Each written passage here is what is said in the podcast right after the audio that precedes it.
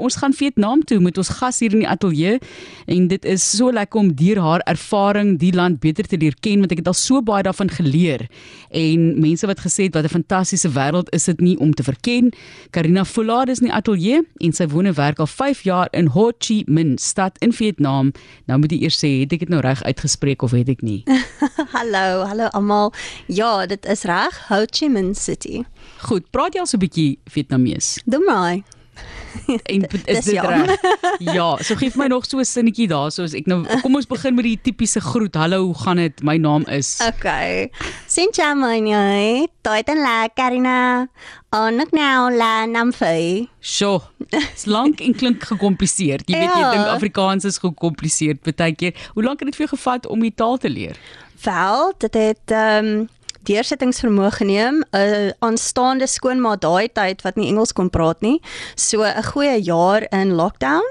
En ehm um, toe verdere probeer as jy ietsie maar wil aankoop en natuurlik die pryse is baie laer as jy 'n bietjie Vietnamees kan praat. So Fantasties.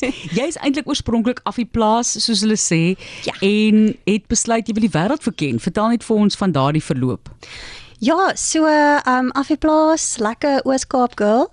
Ehm um, groot geword daarso in PE en my ouers, my familie was sendingmense. Ons het lekker rondgetrek van die Karoo af na Malawi toe, teruggetrek plaas toe en ehm um, So met my grootword jare het daar 'n werksgeleentheid opgekom vir Vietnam. Ek het dit met albei arms gegryp en nou is ek daar vir die laaste 5 jaar. Kuier jy nou net hier? Is jy met vakansie? Ja, 2 weke. Um kom kuier 'n bietjie vir die ouers in PE en nou op die oomblik vir my broer en my suster hier so in die Kaap. Watter tyd van die jaar is dit nou dan in Vietnam? Is dit 'n goeie jy weet jy sal nou byvoorbeeld sê mense wat nou van Europa af kom kom in, kom in die somer in Suid-Afrika, hoe dit ook al sê. Mm. En as jy nou Engeland toe gaan, sê jy nou sê maar nou in Julie gaan. So Ja. watter tyd van die jaar ervaar jy tans daar? Kyk, dis maar altyd somer in Vietnam. Dis baie baie baie warm en Oei, baie warm met reën. So op die oomblik is dit ehm um, die Vietnamese um, nuwe jaar um, op hulle Chinese kalender. Um, en dit is hulle groot viering. So hulle 2 weke groot vakansie. Dis omtrent soos ons Kerstyd hierso. So dis 'n goeie tyd vir um, mense om te gaan kyk na al die feesvieringe en fantastiese blommeskou en regtig die pragt van hulle kultuur en die kos en so aan. 'n Mens kan enige plek in die wêreld kies. Daar's hier en daar 'n paar wat jy nou nie sommer by kan inkom of na toe wil gaan nie, maar hoekom ja. Vietnam? Hoekom het jy besluit op daardie land?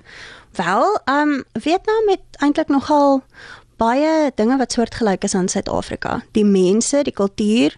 Ehm um, as jy mooi gaan kyk, dan kan jy sien hulle hulle is ook familievas. Ehm um, hulle verwelkom jou soos wat 'n Suid-Afrikaanse tannie op die platteland jou sou verwelkom. Dis baie Hulle- interessant. Ja, hulle hulle kossoorte, hulle is ook baie kosgerig. So, ehm um, soos mense hierso sal jy bymekaar kom oor 'n 'n lekker pot sop en almal sou ietsie aanbring en saam eet en lekker gesels. Natuurlik is daar ook lekker drankies daarso. So jy kan ehm um, jy kan soortgelyke dinge vind waarna ja, as jy terug verlang. Ons gaan nou 'n bietjie praat oor wat jy daar doen. Jy help mense met 'n bietjie Engels, maar wat eet 'n mens dan nou daar? So en wat is die 'n mens tipies? Dit is eintlik 'n bietjie van 'n kliseë en ek vra om verskoning eintlik vir die vraag, maar wat is die vreemdste ding wat jy nou al daar geëet het?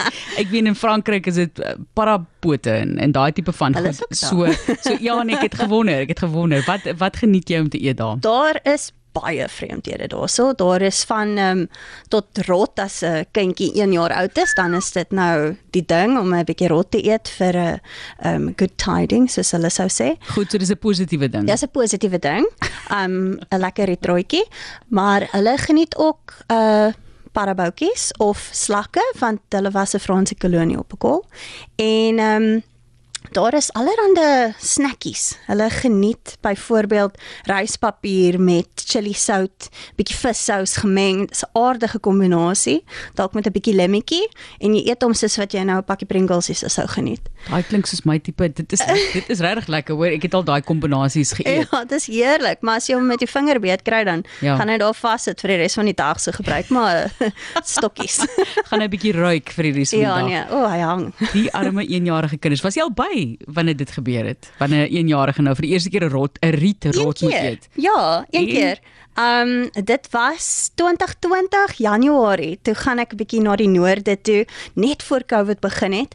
Um ek was in 'n 'n klein bergdorpie. Die mense was um so soos wat die mense sê in Engels baie local. En hulle seentjie het 1 jaar oud geraak, die oulikste dingetjie. En die ouma het nou hierdie groot pot aan die kook gehad en daar was toe die rot daarin. Ek het ehm um, gevra wat dit is. Ek was gevra om te kom help om die ding nou te slag en te droog en so. Maar ehm um, ja, ek het my bygestaan, maar definitief nee gesê. En, okay, want ek wil nou vra hoe smaak dit? So hulle nee, kook hom af. So dis nie so of jy weet snye snye boutjie uit en braai hom. Nee nee, jy kook hom af. Daar's nie veel boutjie om te eet ja, nee, nie. Dis maar net bene. Ah, ek dink ons nou aanbeweeg van die rot af. Um, ja, ek dink die mense ek, eh, is baie mal oor daai tipe van onderwerpie, maar dit is baie baie interessant dat dit 'n ja. ritueel is wat hulle het vir eenjariges. Ja. Ons praat met ons gas oor Vietnam. Indien jy nog altyd gewonder het oor hierdie land en baie baie interessant Karina Fulaat wat al vir 5 jaar daar werk en woon En kom ons praat oor die werk. So daar is regtig geleentheid vir mense om die wêreld in te gaan en vir mense Engels te gaan leer. Mm. So mense hoor dit baie. Hoekom het jy besluit om daai rigting in te slaan? Kyk, onderwys was maar iets wat ek natuurlik gedoen het. Ek dink dit is iets wat wat my familie definitief mee saamstem. Karina en kinders werk saam. So ehm um, Vietnam se ehm um, dit ek het 'n werk daar gekry ja. en toe met die met die kinders oplei en so dit help nogal jy jy voel jy kan iets bied vir hulle. Um die Engels, jy kan kleintjies help van 6 jaar oud tot mense wat in hulle um 20's is wat besigheidsengels wil leer. Jy weet jy maak 'n bietjie van 'n verskil en um as jy nou vir iemand kan leer hoe om Engels te praat, hulle sal werksaansoek kan doen en aansoek kan doen om oorsee te gaan studeer of 'n beter lewe te kan kry. So net daai bietjie help nogal baie. Is dit moeilike omstandighede of is dit heel toeganklik en maklik want ek ek dink om vir iemand iets te probeer leer wat 'n hele ander kultuur as joune het en jy moet daar op 'n manier inpas ons nou 'n bietjie praat oor jou algemene aanpassing daar hmm. maar as 'n onderwyser hoe ervaar jy dit? Ja en nee, dit is dit is moeilik. Ehm um, want jy het 'n klas van 60 kinders wat as jy nou graad 1 klas gee, niemand kan Engels praat nie. So jy begin maar met die met die ehm um, tone van 'n klank, ehm um, en dan gaan jy aan na woorde toe. En soos wat jy ouer is, soos wat jy na die ouer klasse toe gaan, gaan jy na tieners toe. Hulle is natuurlik ehm um, bietjie nikkerig. So hulle moet sinne kan sê, hulle moet leer vir 'n eksamen, maar hulle wil nie. Um en daar is jog, daar's kinders wat rarig harkwas is. So jy moet maar aan hulle goeie kant kom, die ringleader ja. uh, om jou pinkie draai en dan kan jy hulle leer. Ek moet sê ek kan vir jou stories vertel van my suster in Engeland ja. en kinders daar. So ek dink ja, dis nie net noodwendig Vietnam nie. Nee, dit is so. Hoe het jy aangepas? En is daar sekere take of sekere lewensomstandighede wat vir jou baie moeilik is wat jy baie vreemd vind? Mm. Mm.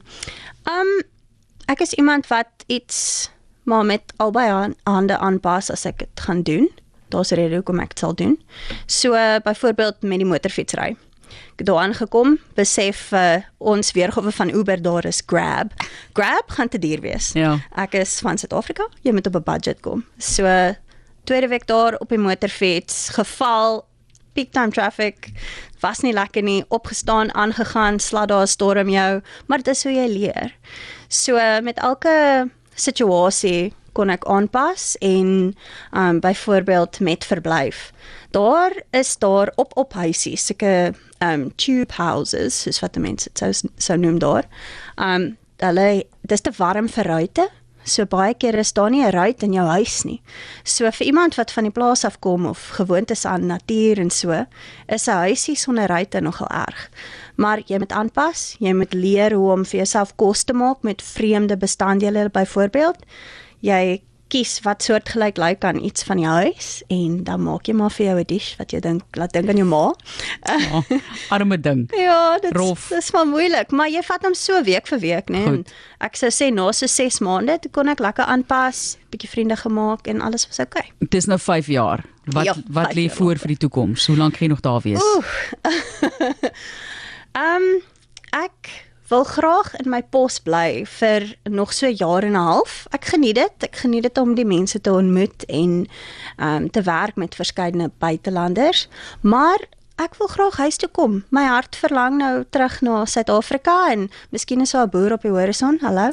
So sy kom maar nou van die plaas af. Boersoeke vrou, moet jy maar. Ek dink jy moet maar daar gaan so, aansoek doen, ja. Ja, kyk, nee, ek is nou 36, so dis tyd. Ek dink na die volgende jaar en 'n half gaan ek terugkom Suid-Afrika toe. Ja, ons sal jou terug verwelkom en Dank. maak vir die mense interessante lekker kos. So, dit is die, dis al wat ek wil gaan ervaar, so ek wil die kos gaan geniet.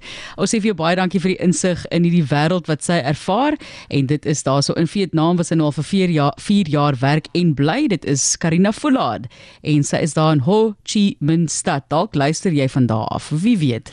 sy is 'n buitelandse bestuurder van gekontrakteerde Engels tweede taal onderwysers in die publieke skoolstelsel, openbare skoolstelsel in Vietnam. Ons sê vir jou baie dankie en veilig reis terug. Baie dankie. Geniet daai ervarings.